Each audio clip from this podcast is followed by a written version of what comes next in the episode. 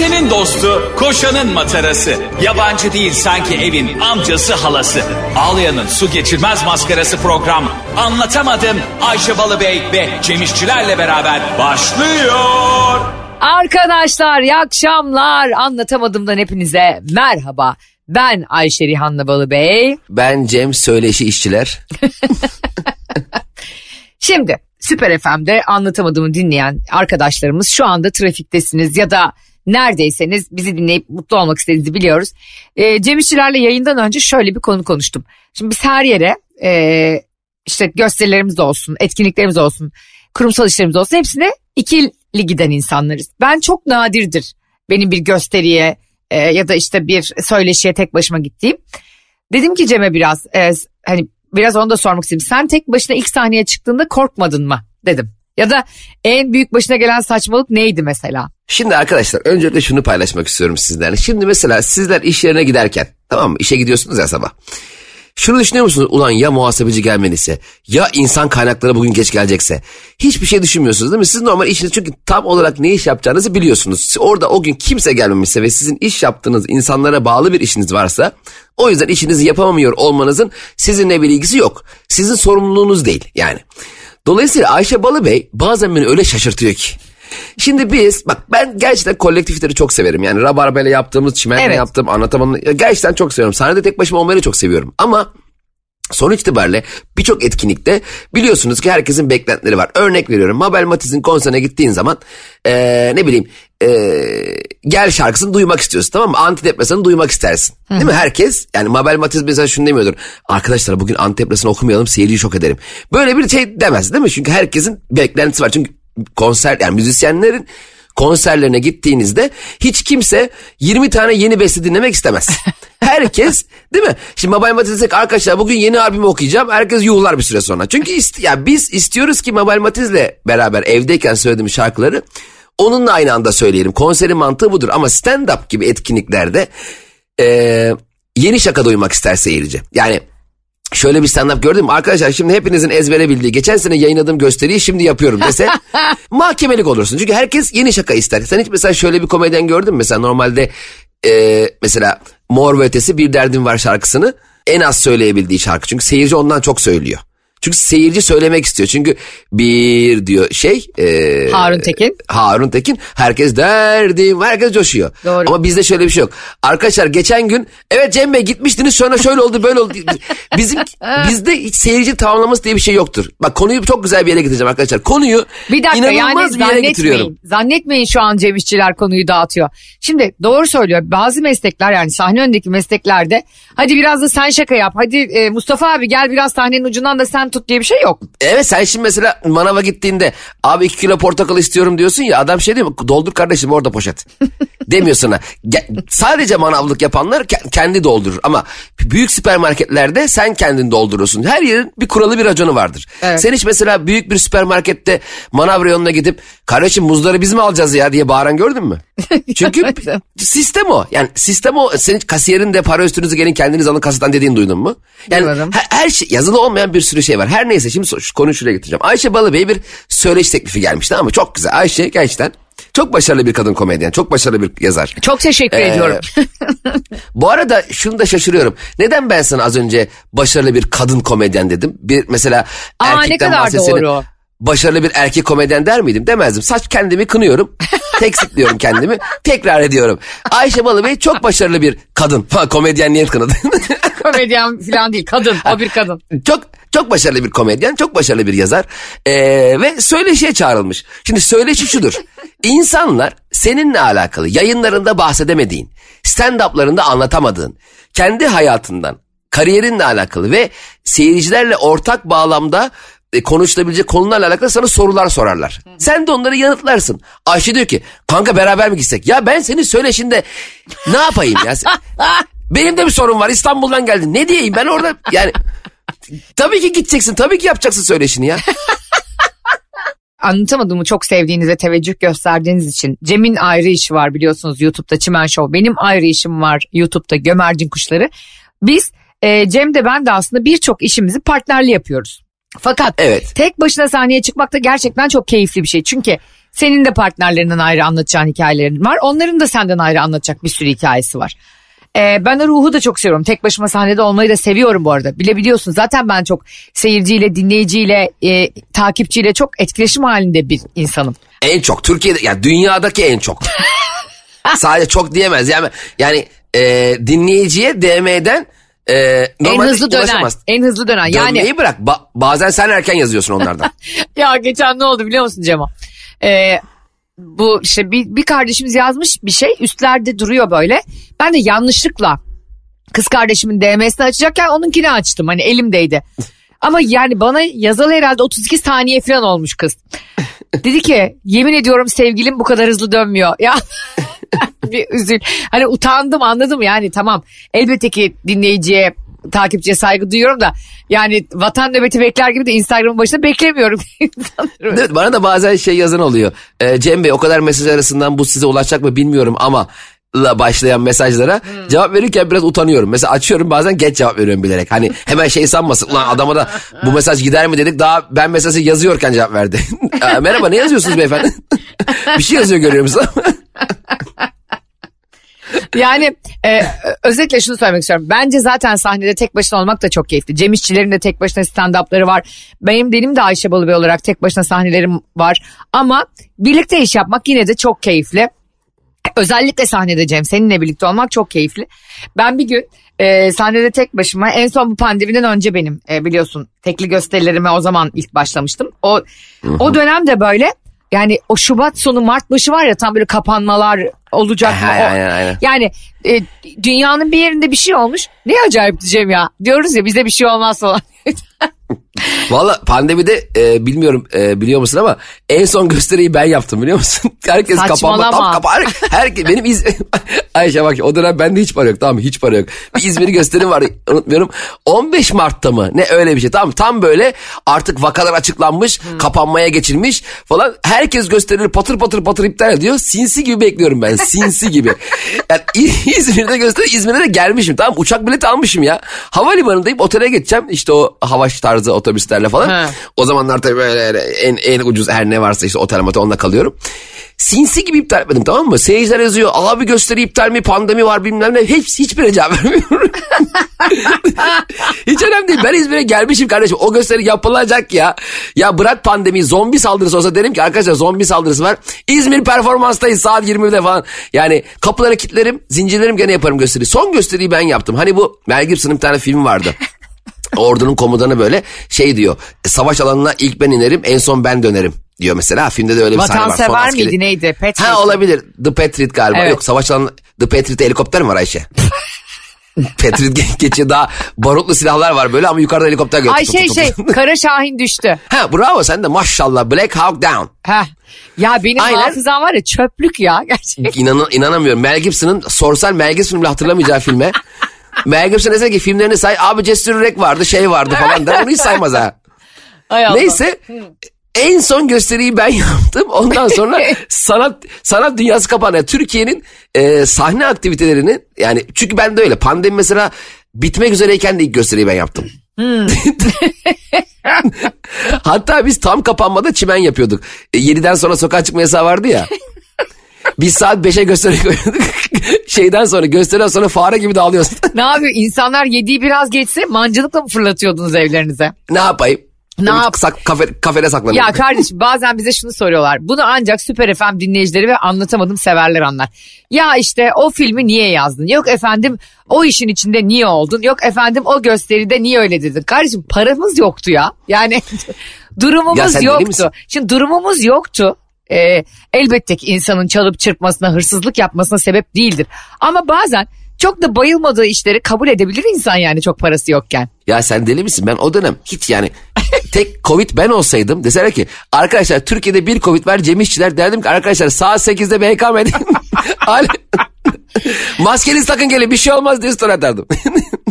Abi ben Covid'den önce belki dinleyicilerimiz de hatırlar ve lütfen bize Ayşe'nin Bolu'nun Instagram hesabından ve Cem İşçilerin Instagram hesabından şu, şu sorunun cevabını yazın Süper FM'ciler. Para için hiç sevmediğim halde şu işi kabul ettim. Para için hiç sevmediğim halde işte arkadaşımın ödevini yaptım. Hiç istemediğim halde o işte iki yıl çalıştım gibi bize lütfen e, böyle anılarınız varsa bizim gibi siz de omurgasızsanız yazın.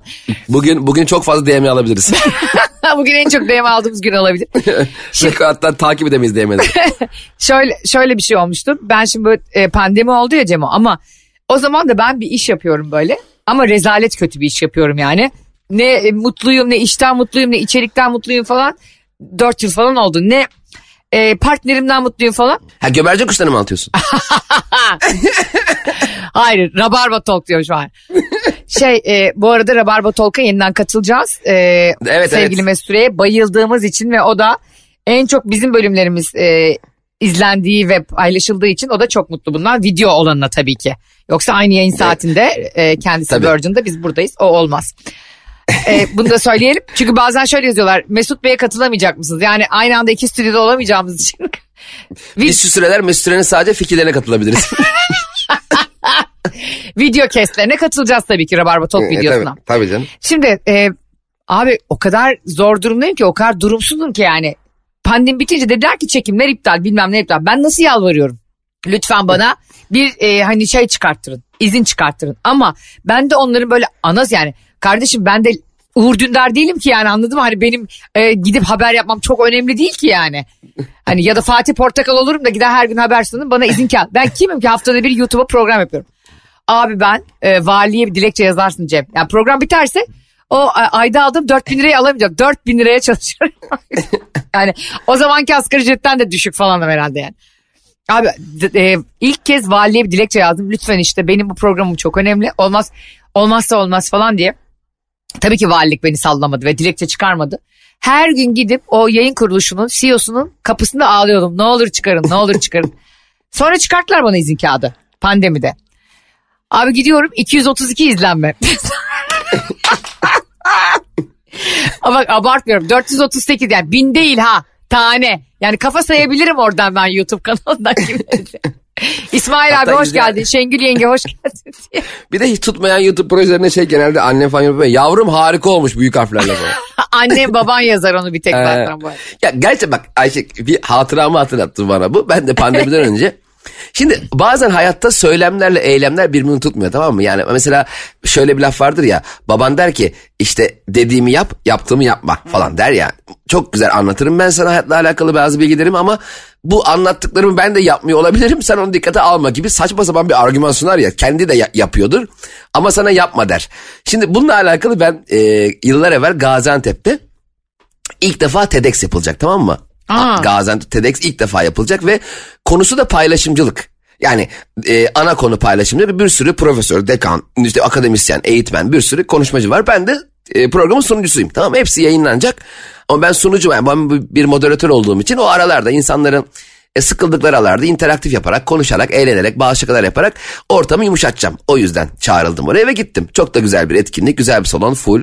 E, konuşmacılar son derece akademik e, olarak yer edinmiş, saygı duyulan insanlar falan. Konu paylaşımcılık anlatıyor işte paylaşım. Hayatta şu paylaşımlar şöyle değerlidir, böyle kıymetlidir. Kolektif olmanın güzellikleri falan filan diye çok güzel konuşmalar yapıyorlar. Sonra bir ara ara verilir tamam mı? Bir buçuk, bir buçuk saat sonra. Ha. Abi e, atıyorum 20 konuşmacı falan var. E, yemek getir, getirilecek. Yaklaşık 15 sandviç getirilmiş tamam mı? Yani e, konuşmacı sayısına yetmiyor sandviçler. Sandviç kuyruğunda o akademisyenin bir birbirine girişi var. Az önce hayatta paylaşmanın ne kadar güzel olduğu, paylaşımcılığın çok önemli bir şey olduğunu anlatan şeylerin birbirine salamla suratına suratına vurması.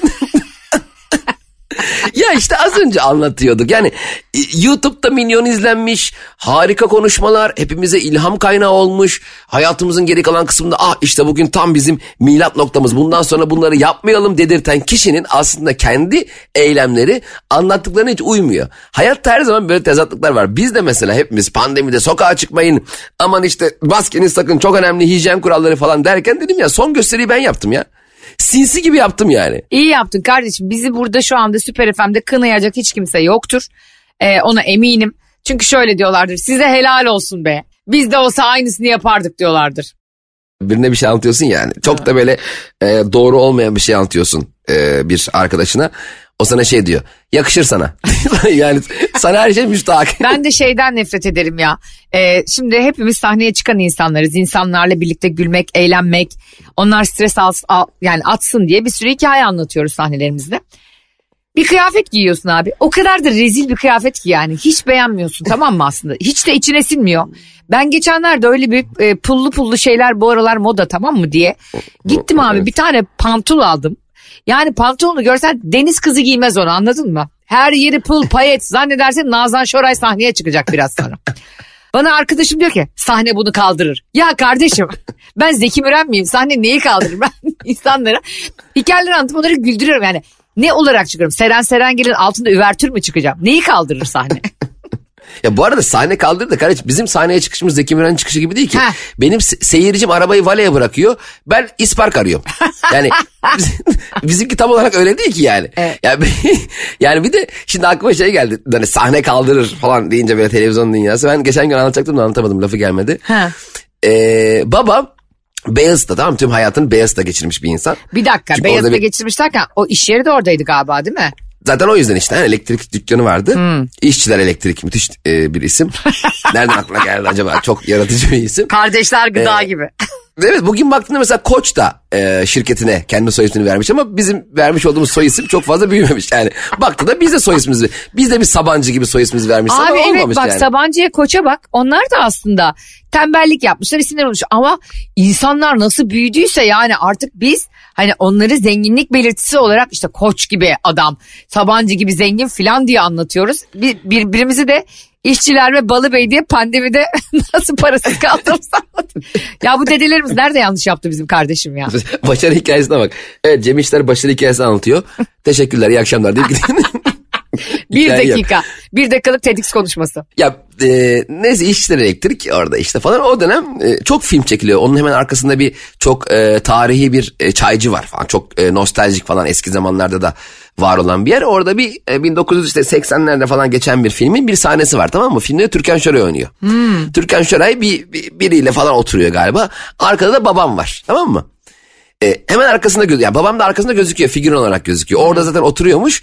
Ya Türkan Şoray'ın film falan çekecek deyince kalmış kalkmamış oradan yani. Asıl figüranların yerine babam oynamış. Yani babam Ay o Yönetmene kadar izin bu vermemiş. İsmail amca ki. yani yönetmen demiş ki beyefendi burada figüranları oturacağız. Çay içecekler demiş ben de içerim çay. O zaman demiş tamam bizim dediğimizi yapın. Çay içip sohbet eder gibi yapın demiş. Babam tabii demiş çay içip sohbet eder gibi yapalım. Fakat babam sohbeti biraz abartmış. Yani e, o kadar çok konuşuyor ki Türkan Şoray duyulmuyor. Demişler ki beyefendi sohbet eder gibi gibi. Yani gerçekten sohbet etmeyin. Arada Türkan Şoray laf ediyor. Şey Türkan Hanım'a çay diyor bir yerde. Ya Türkan Hanım'a çay nedir? Bir dizide filmde e, başrol oyuncusunun kendi ismiyle çay ısmarlanır mı ya? Babamı zar zor ikna etmişler. İsmail, İsmail Beyciğim bakın hiçbir şey dememen. Yani sizin konuşuyormuş arkada durmanız lazım. Yoksa bakın sizi kaldırmak zorunda kalırız buradan. Çünkü ilerleyemiyoruz yani. Çok da basit bir sahne. Neyse.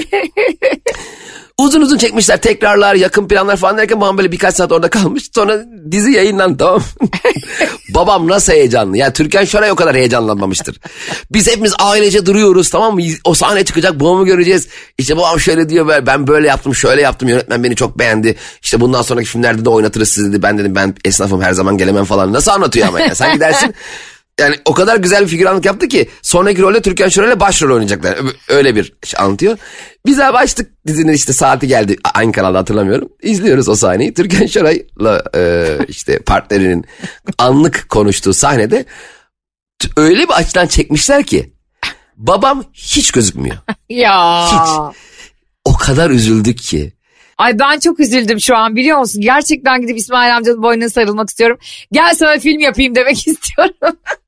Ya bu arada babam öyle bir panik oldu ki Ayşe normalde televizyonun neresinden bakarsan bak aynı şeyi görürsün ya. Türkan Şoray'ın arka kadrajına kaldığı için kalktı televizyonun sol tarafından bakıyor. Ya baba sol tarafından bak VR gözlük mü bu ya? Sol tarafından bakınca daha başka bir açımı göreceksin. Yani tabii ki gözükmüyor yani. Göremedik babam. Hemen diziyi kapattı. Bundan sonrakilerde yokum diye. Ya böyle bir böyle bir bakış açısı var mı? Bir de şey çok iyi ben olsam şey derdim. Demek neyse bundan sonraki sahnelerde yoksam izlememize gerek yok. Şu çok büyük bir hayal kırıklığıdır gerçekten. Bunu biz geçtiğimiz günlerde bizim Gömercin Kuşları'nda Kaan Sekban'la da konuştuk. Ben Cem'cim e, yıllar önce ilk sinema filmimi yazıyorum. E, yönetmen Andaç Haznederoğlu'nun bir hikayesi. Her şey aşktan. Filmde Şükrü Özyıldız oynuyor, Hande Doğan Demir oynuyor. İşte Mithatcan e, Ö- Özer oynuyor Sezen Aksu'nun oğlu hı. filan. Abi e, bana dediler ki hani kim oynasın bu rolü? Sağ olsunlar senaryosu yoksa. Ben de o, o zamanlar Kaan da oyuncu olmak istiyor. Biz de dedim birbirimize el verelim iki arkadaşlar. Kaan oynasın. Ay o Kaan'ın bir heyecanını gör yani. Hani daha o zaman tabii Kaan Sekban bankada çalışıyor hani anladın mı? Hiçbir e, hayatında böyle bir gelişme yok. E, kendi işte o anda başlıyor zaten diyaloglu figürasyonun dramı anladın mı yani? Bu çocuğu, çocuğu karavandan mı atmadılar E, ondan sonra kendi gömleğini kendin getirme demediler. İşte saç tıraşın olup gel yani o kadar büyük bir adaletsizlik var ki setlerde. Böyle birine gerçekten neredeyse ejder meyvesi gelecek. E, diye de yani tekmeyle atılacak anladın mı? Öyle, öyle büyük bir Ondan sonra oynadı oynadı bir tam gün çekildi ve e, film herhalde 100 dakika falandı. Kaan ne kadar var biliyor musun filmde? 7 saniye. Abi ama bir şey Ya söyleyeyim. niye atıyorsunuz var. çocuğun o kadar rolünü ya? İşte demişler ki gerek yok buraları keselim. Buralar e, işte rabarba olsun. Boşa düşsün falan. Ya çocuk ona o kadar hazırlandı Eric Morris teknikleriyle.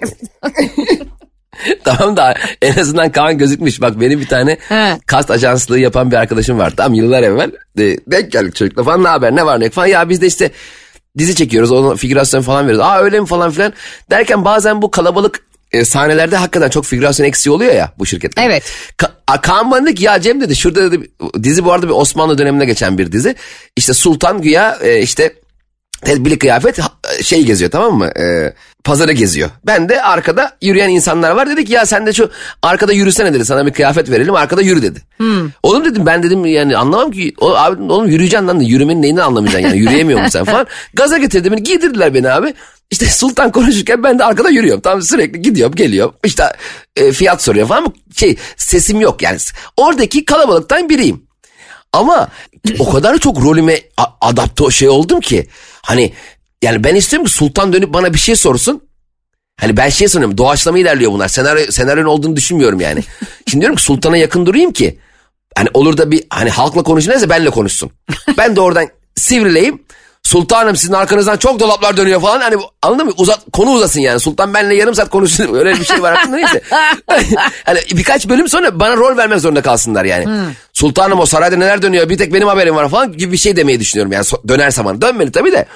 Neyse arkada ben sultan etrafında gezip gezip duruyorum. En son dedi ki yönetmen ya dedi kardeşim sen niye dedi sürekli sultan etrafında dolaşıyorsun.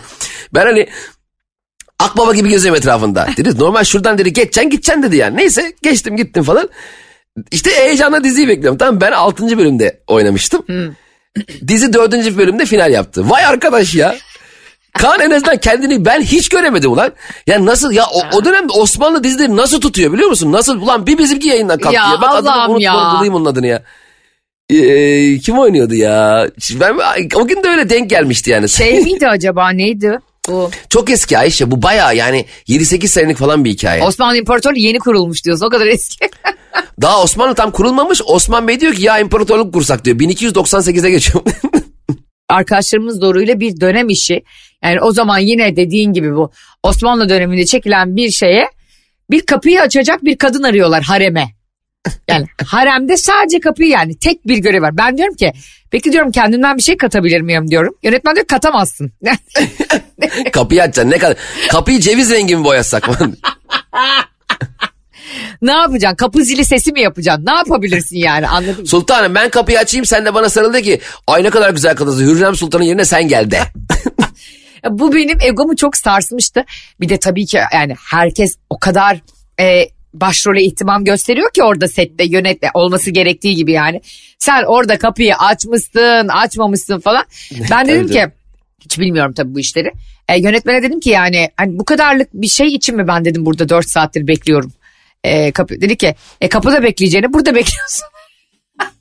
Arkada bekliyorsun. Sonra ben kapıyı açtım. Çok da güzel açtım yani olacak en güzel şekilde o kapıyı açtım. Evet hatta sen galiba o dönemde e, Oscar'da en iyi kapı açma e, ödülü aday olmuşsun diye hatırlıyorum. Bir de kazanamamışım böyle. Bak ben sana bir şey söyleyeyim mi? Oscar'lara ve ödül törenlerine, altın kürelere derhal diyaloglu ve diyalogsuz figürasyon ödül töreni gelmeli. evet bak yemin ediyorum anlatamadım yine bir tarih yazıyor. Ve altın kelebek, altın portakal artık altın küre ne varsa Yani neyse altın, altın olan globe. ne varsa altına bulana. Hepiniz hepsinin kim yapıyorsa bunu en iyi figüran. Heh. En iyi figüran ödülü verilsin. Mükemmel eğlenceli olmaz mı? Abi yeter bir bu arada biz Evet. e, belki de başrol oyuncuları böyle elinin ucuyla yaptığı için biz günlerce e, kafa yoruyoruz. Yani bir e, işte Osmanlı döneminde haremde görevli bir kadın kapıyı hangi eliyle açar diyorum ben ya. Sağ eliyle mi açarsa yönetmen diyor ki ne önemi var Ayşe diyor yani. Aç işte diyor arkada duracaksın zaten. Zaten en son e, kapı böyle iyi saatte olsunlar cinler tarafından açıyor gibi oldu. Kendi kendine açılıyor. Yani sultan giriyor sultanın korkusundan kapı açılıyor gibi oldu benim sahnemde. Ama hakikaten bak bu kast ajanslarında dönenler çok enteresan. Benim bir arkadaşım açmıştı o bahsettiğim arkadaşım var ya beni Osmanlı dönemi dizisinde oynatan. Ha. Bir gün onun şirketine gittim tamam yeni açtı işte bana diyor ki ya beraber yapalım bu işi bu işte çok para var falan gaza getirmeye çalışıyoruz. Ben de kurtulmaya çalışıyorum bu tekstil dünyasından. Neyse şey falan bir tane ofis tuttu. Ofis yani e, santimetre kareyle ölçülen yani metrekare de değil. Yani Ha. ofis kapısını açıyorsun e, genel müdürün masasına çarpıyor. Zaten ofiste bir de genel müdürü var. Başka kimse yok. Neyse bir tane yaşlı bir amca geldi tamam ama e, böyle hani bazı Yeşilçam e, aktörleri vardır ya bir yerden gözünü ısırır. Evet. Bir sürü Kemal Sunal'dan dayak yemiş olur ya böyle bir sürü.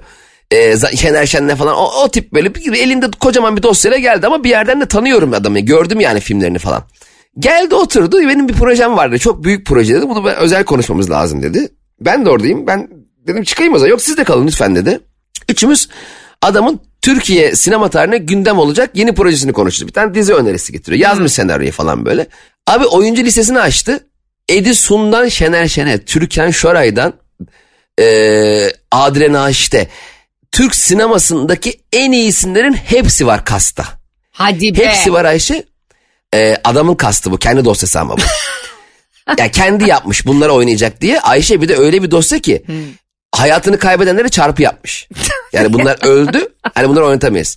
Heyecanla bakıyoruz. Yok işte Türkan Şoray böyle geliyor. Şener Şen şunu diyor falan filan. Ee, dedi, dedi ki sonra senaryoyu gösterdikten sonra dedi ki yalnız dedi bunu dedi e, Çağan Irmak'ın çekmesi lazım dedi. Çağan Irmak'a dedim nasıl ulaşacağız? Dedi ki başbakana ulaşırsak ona ulaşmak kolay dedi. Adam gittikçe çıta yükseltiyor. Ben sonra müdahale etmek zorunda kaldım. Dedim ki abi dedim şu dedim dükkanın duvarlarına bakar mısın? Baktı böyle duvarları sıvaları çatlamış. Örümcekler geziyor. Baktı böyle duvarlara. Dedim ki duvarda dedim bir vergi levhası gördün mü? Yok dedi görmedim. Dedim ki abi dedim bu şirketin daha vergi levhası gelmedi. Sence bu şirket dedim Çağan Irmak'a ulaşmak için başbakana ulaşacak. Başbakandan Çağan Irmak'a ulaşacak. Çağan Irmak'tan da bu oyuncular açacak. Bu diziyi mi çekecek Allah aşkına? Senin dedim nasıl bir inancın var ya? Ya bazı insanlar inanılmaz hayallerle yaşıyor ya. ya işte o Sonra adam elinde dosyayı, dosyayı aldı başka bir kas ajansına gitti. Çekecek o filmi yani. Herhalde 10 yıldır falan geziniyordur öyle. Ya ben sana bir şey söyleyeyim mi? Belki de bugün bu işleri yapmamızın sebebi de o gün o işleri yapmak istememizdir.